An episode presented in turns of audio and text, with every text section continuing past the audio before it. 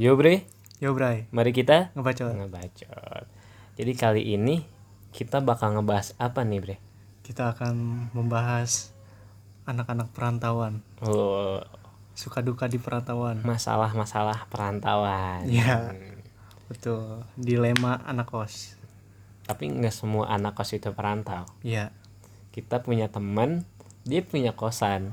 Kosannya depan rumah dia, tapi dia nggak ngerantau. Dia ngekos. Tapi dia ngekos kayak Iya. gitu. Ngekosnya gratis. Karena itu kosan keluarga. Iya, betul. Dijadiin kamar pribadi. Dan tapi dia tetap tidur di rumahnya. dan dia lagi tidur di belakang kita. Iya. Sampai tidur mas. Dia dia pulang sip 2. Jadi kali ini kita bakal ngebahas tentang kesan-kesan dan mungkin ya pengalaman sebagai anak rantau ya bre. Iya benar, walaupun kita ngerantaunya belum keluar pulau sih. Mm-mm, tapi tetap aja dong kita tetap bisa disebut sebagai Anak rantau. anak rantau. Iya. Sebelumnya gue jelasin dulu gue ngerantau di salah satu kabupaten yang UMR tertinggi di Indonesia Wow, sekali. yang sangat apa banyak padi-padinya sangat ya suhunya sekitar 37 38 Iya, terkenal dengan biduan dangdutnya. bener goyang Karawang kalau lu di mana nih? Gue gue pernah di kota paling romantisme di Indonesia. Bandung. Bandung pernah. Mm-mm. di kota yang sering ada perang. Kota Serang. Serang. Mm-mm. Mm-mm. terus? Terus di apa tuh? Kalau di laut kan ada batu karang. Mm-mm. karang tengah. Karawang Tengah di mana sih? Karang tengah tuh kayak kayak daerah Tangerang ke sono lagi deh Hmm. terus di daerah tuh? Serpong. Oh. maaf warga Serpong maaf. Terus, terus terus terus apa lagi? Ke mana lagi? Kayaknya lu Terus- pengalamannya udah banyak banget nih. Ya daerah-daerah Jakarta mah udah daerah Jakarta Tangerang Bandung mah udah inilah. Walaupun belum keluar pulau sih ya. Hmm, kalau buat ke daerah-daerah di luar Jabodetabek berarti belum nih ya? Udah sih Mana? Ba- Bandung kan bukan Jado- Jabodetabek. Kan B-nya Bandung. Ya enggak Bandung dek. Iya. Karena A Amerika. Amerika. B B teh apa nih? B teh apa sih? Jakarta apa teh? Bukan. Apa? Kata dia kan pokoknya C Kanada. Nah, B apa ya? Kita kan ini kita kan warga Sunda Empire. Sunda Empire tapi bener banget ya menurut gua sebagai laki-laki ya terutama merantau tuh kayak sebuah apa? Hal yang sesekali mah harus gitu lo jalanin tuh. Iya. Setuju nggak lo sama pendapat gua? Setuju lu lu jangan di main di wilayah sendiri. Bener kenapa tuh? Soalnya kan lu bukan kucing. Kucing kan punya daerah teritorial gitu, gitu kan. Tapi kan kucing umurnya pendek. Ya kucing gua padahal baru lima tahun ya. Mm-mm, tapi kalau di usia kucing udah 32 bener. Jadi kita mau bahas kucing apa anak rantau? Bahas anak rantau. Iya. tapi kucing kan bukan anak rantau. Ih kucing gua anak rantau ya. Kucing gua kan dari kampung rambutan. Ngerantau ke sini Cikeas. Tapi kan dia bukan ngerantau nyasar nggak nyasar sih. Dikarungin sama abah gua. Soalnya bagus keturunan Persia. Jadi kita mau bahas kucing bahas anak rantau kucing gua anak rantau soalnya oh iya bener tapi menurut gue ya pengalaman rantau tuh kadang-kadang bener-bener gak bisa kita lupain lah bahkan Iya. tempat-tempat yang kita rantauin tuh kadang menjadi sebuah memori khusus lah di Iya. kenangan kita ya mungkin lu dengan wilayah-wilayah Jakarta lu gua dengan Karawang yang ya bagaimana mungkin menjadi saksi dari perkembangan kita ngerasain ya masa-masa kelam lu Iya. paham banget kan gua yang pas di Bandung sedih banget sih kenapa? Tuh. ada cewek Bandung? Enggak. Tempat kerjanya jauh banget. Mana nggak bisa dilalui kendaraan. Di Bekasi? Bandung. Oh tempat kerjanya di mana? Katanya jauh banget. Oh iya Bekasi mah beda galaksi. Hmm, Itu kayak tiap hari jalan kaki ya. Ya. Karena nggak bisa dilewati kendaraan. Hmm. gua waktu itu pernah tuh nungguin mobil truk nungguin angkot. Hmm. emang nggak ada. Orang jalan setapak doang. Kenapa harus ditungguin? Mohon maaf nih bapak. Biasa kan sebuah keajaiban kan gak ada yang tahu. Hmm, bener sih. Tapi kan nggak mungkin juga tiba-tiba ada. Emang bapak di alas roban? Di mana ada mobil di tengah hutan kan? Bukan seperti kayak gitu. Tapi ya gimana pun juga pasti ngerantau tuh nggak selamanya pahit juga kan. iya banyak pengalaman lucu Banyak sih. pengalaman lucu juga. Kalau gue sih sering lah kita namanya kaget sama budaya-budaya di tempat kita ngerantau kayak ya butuh beradaptasi lagi tapi akhirnya kita jadi punya teman-teman baru kenalan baru warteg-warteg baru yang bisa dikasbonin ini pokoknya lu ya kalau jadi anak rantau yang noob nih anak-anak rantau noob atau newbie nih yang Mm-mm. mau ngerantau pertama kali daerah lu datangi lu harus datangi wartegnya. Buat? Buat dihutangin soalnya kenapa gua kalau pertama kali merantau ke suatu tempat gitu ya Mm-mm. pasti yang pertama gua deketin ibu warungnya. Kayak gua speak speakin gitu. Harus yang ibu-ibu? Harus yang ibu-ibu. Soalnya kalau yang mbak takut baper. Kalau bapak-bapak jangan. Kenapa? So asik sih bapak-bapak. Kayak baru pertama kenal ngajak bercanda tuh kayak naon sih anjing? gitu. Kenapa bercanda bapak-bapak gitu dari mana dek? Dari Bogor pak. Oh kirain dari tadi. "Hmm, anjing gua tonjok oh Bogor. Puncak. Oh puncak. Dia taunya kalau nggak puncak Ciawi. Bener. Kalau enggak kota. Iya. Kalau nggak kebun raya. Bener. Oh deket kebun raya ya? Cikias anjing gitu pengen Mm-mm. Cikias mana? SBY oh SBY tapi kadang kita Iya. buat nyebut nama Cikeas tuh jadi kurang gitu. Iya. kadang-kadang lebih milih nyebut nama SBY kadang-kadang gua juga lebih sering nyebut di Indosemen. Padahal Iya. kan itu tuh jauh banget dari rumah kita. Nggak nggak dekat juga ya kan? Iya. Kebanyakan gini loh kalau orang-orang Cikeas nih, Cikeas antara Cikeas Nagrak sama Gunung Putri itu mereka sosokan rumah di mana? Cibubur. nah bener. idih. Emang teh kenapa sih dengan Cikeas? karena emang bakal banyak pertanyaan lagi. Itu tuh di mana sih? Deket sama puncak ya gitu deh. Bagi bagi orang-orang Gunung Putri dibilang gunung tapi panas. Iya. Kayak ini di di tempat gua kan banyak banyak anak-anak rantau yang pulau ya. Kayak orang-orang timur, Lampung Lampung, Sumatera gitu ya. Mm-mm. Tahunya Bogor itu Ciawi doang puncak. Rumah lu dekat sama puncak gak? Gue jelasin ya. Nih, ini rumah gua nih puncak 50 km. Oh, deket dong. Hmm, kata gue ya. Ya, mohon maaf 50 km itu nggak ada dekat-dekatnya ya iya. kalau jalan tuh capek tetep Tapi sebagai anak rantau itu ada nggak sih hal-hal lucu gitu balada per kosan indie gitu? ada sih kalau gua ya mungkin karena emang udah kenal banget Bogor nih ya cuacanya di bawah 30 ya paling Iya. tinggi juga 32 33 seketika ke Karawang tuh kayak agak kultur shock gitu agak kaget anjir gua nggak bisa tidur ya. Maksudnya panas banget lah gitu. Belum lagi karena orang Bogor emang kasar bahasa Sundanya cuman nggak marah-marah tiap hari. Kalau orang Karawang tuh kayak apa ya? Ngapa-ngapain marah? Ini marah itu marah.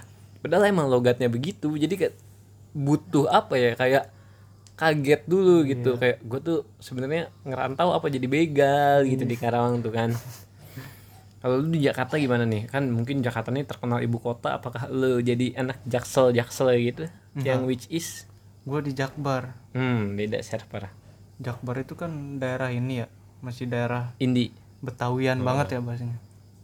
Eh lu mau ke mana? Dia anjir dikira gue pemain bola. eh lu mau ke mana?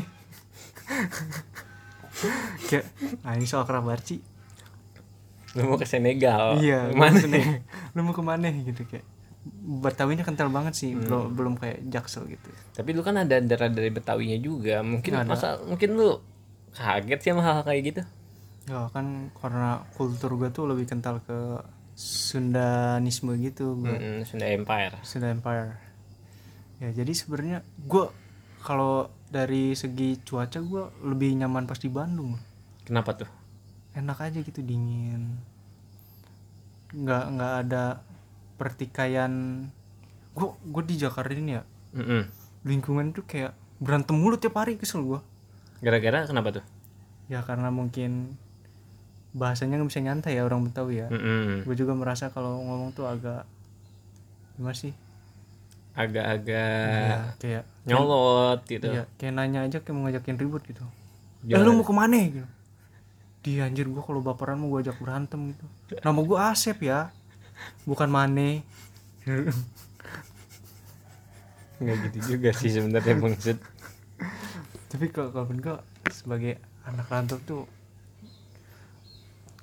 eh, banyak apa ya? Apa ya banyak apa nih? Mungkin lu ada keluhan-keluhan gitu atau mungkin gimana gitu? Lebih ke hal-hal yang apa sih ketemu orang-orang baru yang wataknya aneh-aneh loh kayak orang daerah sini tuh wataknya kayak gini gitu. Hmm. daerah sini kayak gini. Kayak gue ketemu orang-orang timur ya kirain gue tuh orang timur. Ke sini tuh cuma jadi apa sih? Apa? Debt collector. Ya debt collector. Jadi ini. Tapi sebenarnya mereka tuh baik-baik loh jadi kayak lebih solidar solidaritas gitu. Hmm, solidaritasnya tinggi. Dibanding akam sih ya dibanding akamsi gitu Di akamsi itu kayak sosokan banget loh. Sesuatu kenapa? Sesuatu kenapa? Karena di kampung sendiri. Jadi mereka nih ngerasa kayak ini tuh wilayah mereka gitu. Iya. Tapi lu ada nggak sih pengalaman-pengalaman ketika lu ngerantau dan lu tuh kayak ngerasa nggak cocok sama tempat lu ngerantau? Enggak sih. Pernah nggak ngalamin kayak gitu enggak gua gua kalau selama merantau nih selama tiga tahun terakhir ini ya Mm-mm. Gua orangnya gampang beradaptasi sih gua kalau orang kan misalkan butuh minimal seminggu Mm-mm. sebulan gua hari itu juga bisa langsung ini adaptasi karena emang lu suka berak di mana aja Iya. Pokoknya kalau lu hari pertama udah bisa berak di situ, tidur nyenyak di situ berarti lu bisa menyesuaikan. Serius. Jadi btw buat kalian yang nggak tahu si Bre ini adalah orang yang paling berak di mana aja dan beraknya tuh kapan aja tuh nggak bisa ditentukan gitu. Iya. Jadi kayak kucing gitu menandai tempat wilayahnya dengan berak kayak gitu. Ya sebenarnya tempat-tempat yang udah gue berakin itu jadi tanah gua Dan diakui oleh oleh negara. negara.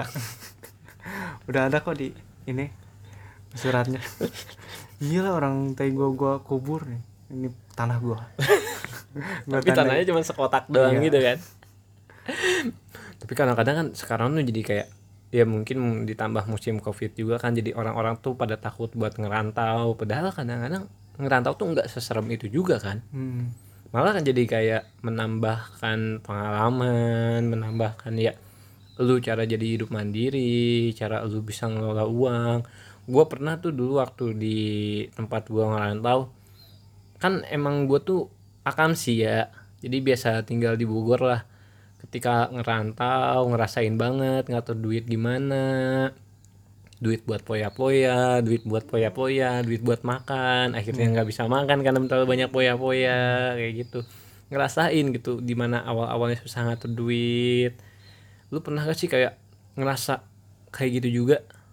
Gue lebih seringnya gini loh lu kan bingungnya ketika nggak ada duit ya Mm-mm. gue justru kebaikan gue pusing ketika gue punya duit Kenapa? Kenapa? Kenapa nih? Kenapa Aneh nih? kan? Kenapa Aneh kan? berbalik banget nih? gue gue mikir gini gue pas ada duit nih hmm, duit ini harus gue apain ya kayak gitu loh gue malah mikir gini ini pokoknya duit jangan sampai habis gitu Mm-mm. gue orangnya mikirnya nggak poya-poya pokoknya pertama kali gajian justru awal-awal gue ngirit banget gitu Mm-mm. kayak gue sarapan jangan sampai lebih dari goceng jadi gini lon- lontong tiga Heeh. gorengan dua kenyang Goceng. goceng Goceng.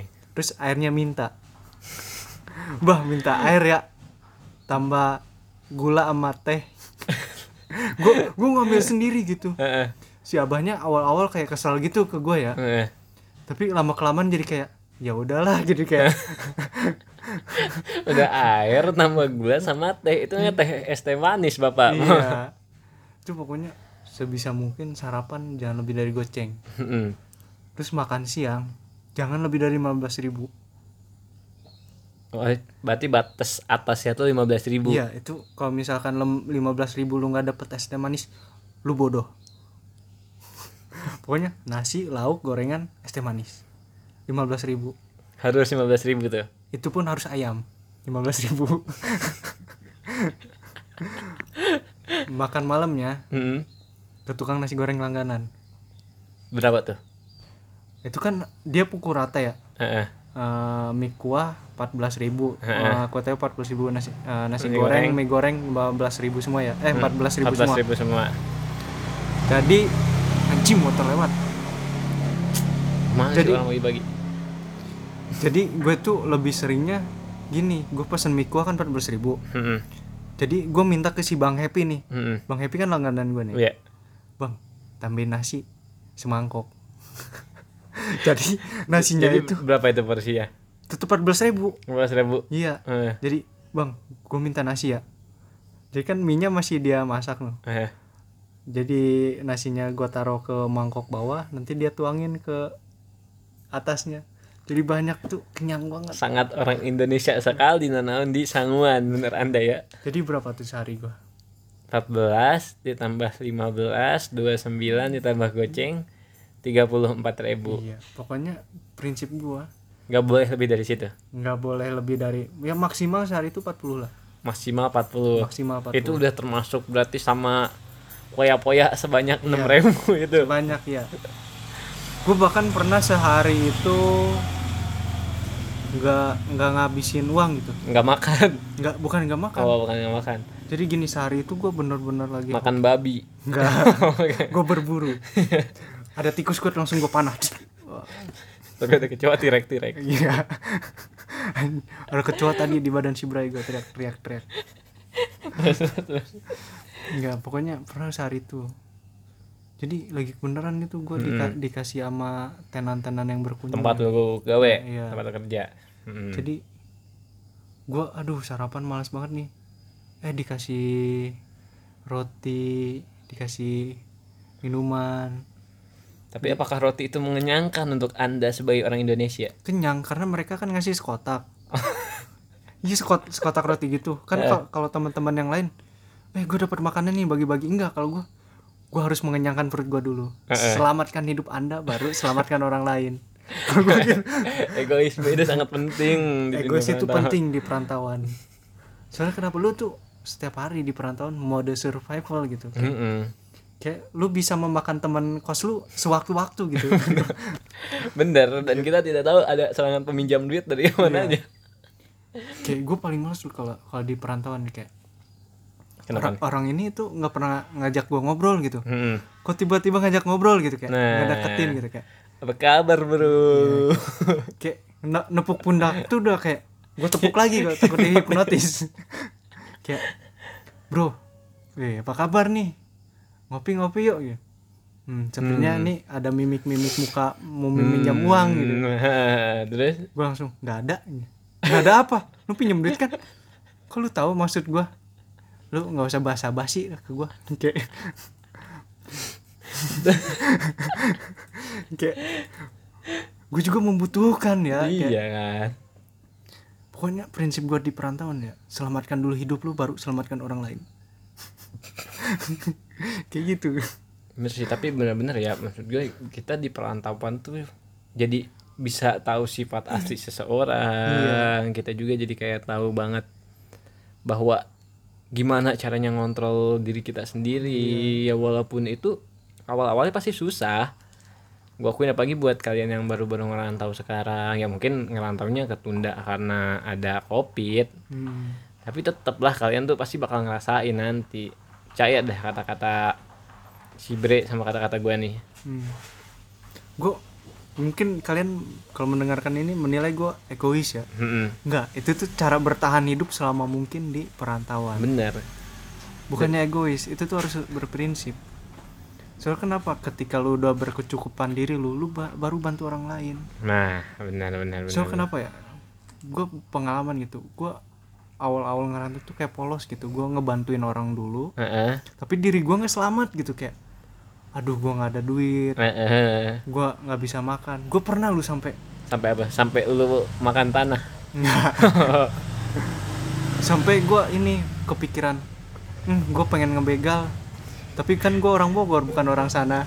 Tanah tanah. Eh jangan antar sana sana sana sana. Nih banyak motor nih gue jadi jadi. kan? Repo lagi motornya. Iya repo beracun. Iya jadi kayak itu dari pengalaman gua. Gua bukannya egois ya. Gua berprinsip aja. Gua pokoknya nyelamatin hidup gua dulu baru hidup orang lain. Benar. Harus kayak gitu sih di mana kita ya harus berani tegaan juga karena prinsip temen tuh kadang-kadang nggak berlaku gitu. Iya. Tapi apalagi lu pernah gak sih ngalami yang namanya lu ngerantau ngerantau tapi ngerantau lu tuh kayak nggak dapat apa-apa gitu? Pernah gak kayak gitu pernah sih. Pernah kayak gitu? Ada yang kayak gitu juga berarti ya? Ada. Kayak aduh gua ngerantau nggak menghasilkan apa apa nih selain menghasilkan kenangan gitu. Iya asli. Lu pernah nggak nih? Lu bawa magicom magicom ya? Lu pasti pernah bawa magicom. Pasti lah. Terus lu masak nasi gitu ya? Tapi nggak lu cetrekin sampai pagi kayak bangun tuh kayak penuh dengan kehampaan kayak lu di kepala tuh kayak ada soundtrack. So before you go. Kayak perut lapar tapi magicomnya nggak dicetrekin ke bawah gitu kayak SPT-nya pas pulang dari tempat kan bisa langsung makan kan. kayak oh ya Allah kayak, Betapa berat sekali juga ini ya Allah. Kayak aku andai aku bisa memutar waktu. Gitu. waktu beberapa, beberapa jam yang lalu aja ketika harusnya dicetrekin tuh magicomnya kayak Bener. Dan ada juga mungkin nggak beberapa yang kayak lupa matiin mesin air, lupa matiin lampu, akhirnya sikat titut-titut. gua gua keseringan lupa mandi loh. Kan pulang kerja capek ya. Hmm. jadi gua tuh udah udah pakai kolor doang gitu ya. Eh, kadang udah andukan doang. Eh, udah ba- mau bawa ini nyender gitu. Tahu-tahu jam 3 pagi anjing. Capek, udah udah males, udah mager mandi gitu, udah mager. Itu udah udah apa ya keringat bercampur daki. Kayak jadi lapisan kulit baru. Tinggal nunggu ganti kulitnya aja itu Iya. mah. kayak aduh balada anak. Badan anak tahu tuh ya. Naninu naninu banget dah nano nano banget. Tapi lu ada pesan gak sih? Mungkin sebagai lu kan bisa dibilang sebagai perantau senior nih ya walaupun ya tetap berada di wilayah Jabodetabek dan sekitarnya lu ada pesan-pesan gak sih buat mereka nih yang mungkin mau memulai merantau atau ingin memberanikan diri merantau? Pertama tuh jangan baperan asli. Lu kalau lu mau merantau lu baperan tuh lu nggak bisa hidup asli. Pasti. Soalnya kenapa? Kenapa? Di gua aja ber, bercandanya tuh ekstrim banget gitu. Udah sampai ke mengutuk. Bukan cuma ngatain mengutuk mengutuk. Mengutuk gimana? Iya mengutuk jadi gimana? kayak ah lu gue sumpahin ya lu besok nggak meninggal. Tapi hari ini. Tuh kalau udah saking kesel kayak pernah pernah ada gitu di di gua anak baru ya. Dia tuh an- dia tuh ngerantaunya nggak nanggung nanggung ya dia nyebrang pulau. Tapi ke sini tuh jadi kayak orang baperan gitu. Terus gimana tuh dia? Kerja dua hari cabut. doang. Cabut tapi langsung cabut cabut. cabut. Emang ngerantau tuh cocok buat orang yang berjiwa kuat enggak sih jiwa santuy. Sekurimin santuy. Kayak kayak gue pernah tuh cekcok sama polisi ya coba coba tuh ceritain ceritain gimana cara lu menghadapi konflik-konflik gitu. Ada- ada konflik dengan polisi nih di tempat kerja gue jadi kan di situ tuh motor nggak boleh parkir di basement 2 ya. Jadi kan ya gue sebagai yang kerja di situ harus mengatur dong. Benar. Gue ini loh udah sopan banget. Pak mohon maaf. Untuk kendaraan roda 2 parkirnya basement 1 jangan basement 2 gitu. Oh enggak saya pengawalan gitu. Oh ya udah silakan pak. Ditunggu aja kalau pengawalan. Temen gue datang nih sosokan. Moto-moto. Wah kalian ribet banget gitu. Mau kalian saya injak kepala? Oh silakan gitu. Loh loh kok? Loh kok? Gitu jadi tetap harus memiliki jiwa santuy Eh, ya jiwa ketika kita santuy. menghadapi segala masalah di perantauan tuh harus santuy dulu yang paling penting. Dia dia kayak udah gua gua nggak nggak pukul rata semua oknum kayak gitu ya cuma ya bawa santuy aja lu kalau berhadapan sama oknum gitu mah kayak anggap aja lu dalam posisi menjadi tunarungu. Iya pokoknya lu lu pura-pura tuli aja gitu kayak "Hmm, hmm, aku tidak bisa mendengar apa-apa. Gitu. Di sini terlalu gelap SpongeBob. di sini terlalu gelap aku tidak bisa mendengarmu. Gitu. tolong tolong tolong lanjut lanjut lanjut. Ada tips lagi nggak? Ada tips lagi nggak? Ya pokoknya lu harus santuy jangan baperan. Lu harus bisa survive dengan gua gua pernah survive ya dengan duit goceng bisa hidup selama? dua minggu. Dengan cara dengan cara? Dengan cara ya gue mengandalkan itu. Ngutang. Kasbon. Kasbon. Pokoknya kok kalau mau kasbon ya jangan. Jangan pernah lu kasbon di hari pertama lu belanja.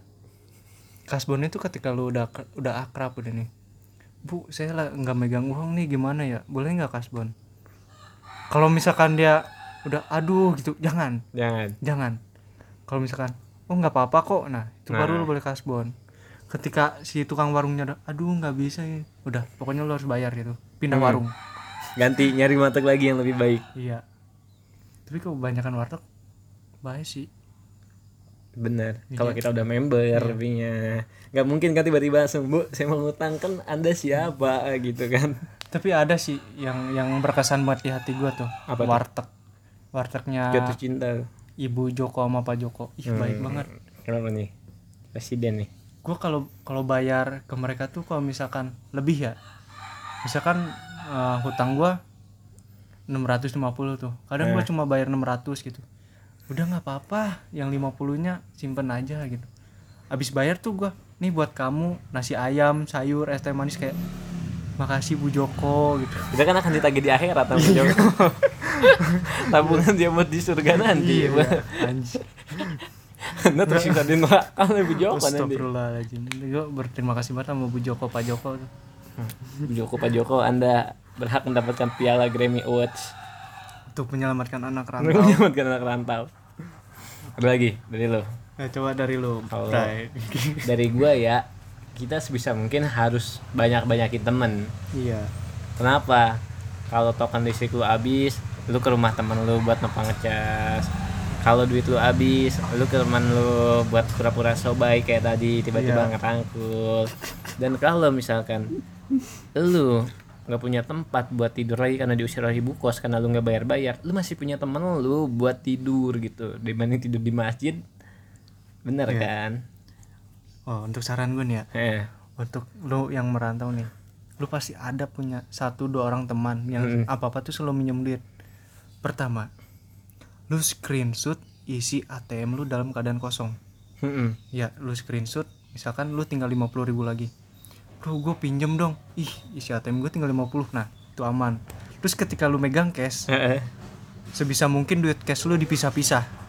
Umpetin. Ya. Eh, eh. taruh di di kondom HP sempak. Taruh di laci baju. Taruh, Hmm. pokoknya dipisah-pisah deh.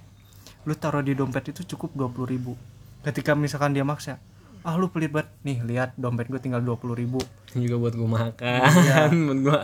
Lu pokoknya ka- kalau ada yang minjem duit maksa gitu lu jangan ja- lu jangan kerasin lagi. Lu melas aja. Bener.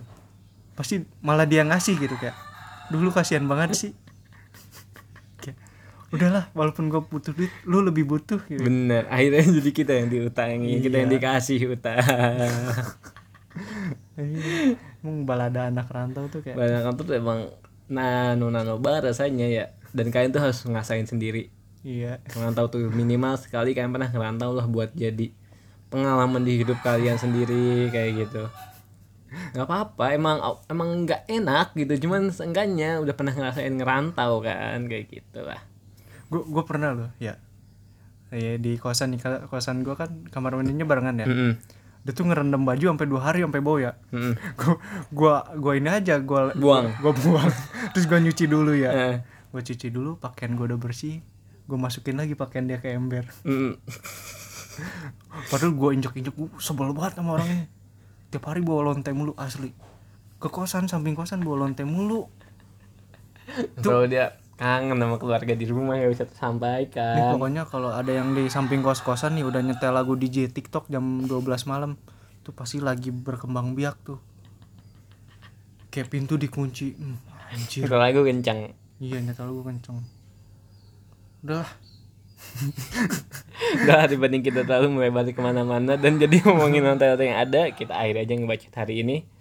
Oke, gua Bray, Gua bre, kita akhiri ngebacot hari ini. ini udah pagi sih. Iya udah, sih, udah banyak motor lewat. bener sama tukang sayur. Iya, sama tukang sayur lagi nyacahin ayam. Selamat pagi sobat. Selamat pagi, Abah.